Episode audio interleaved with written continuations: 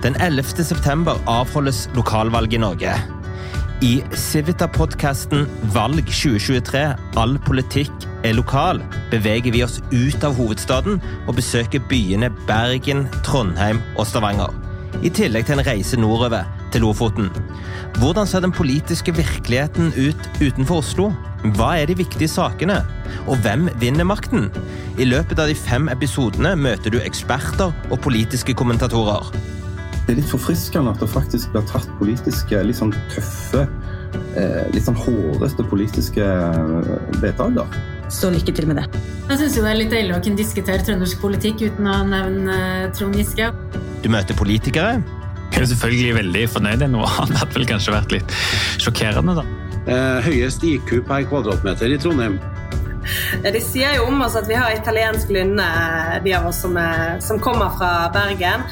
Og ikke minst møter du redaktør for Poll of Polls, Johan Gjertsen. Så sier disse velgerne ja, jeg har alltid stemt Høyre. I år stemmer jeg bom, men jeg beklager veldig. Unnskyld, unnskyld, unnskyld. Men neste gang er jeg tilbake i Høyre. Det var det faktisk mange som rapporterte om den gangen i 2019. Bli med undertegnede, Eirik Løkke, i Civitas lokalpolitiske podkast Valg 2023 all politikk er lokal. Den har premiere onsdag 12. juli. Du finner podkasten på Apple Podcast, på Spotify og alle plattformer som du hører på podkast. Jeg håper vi høres.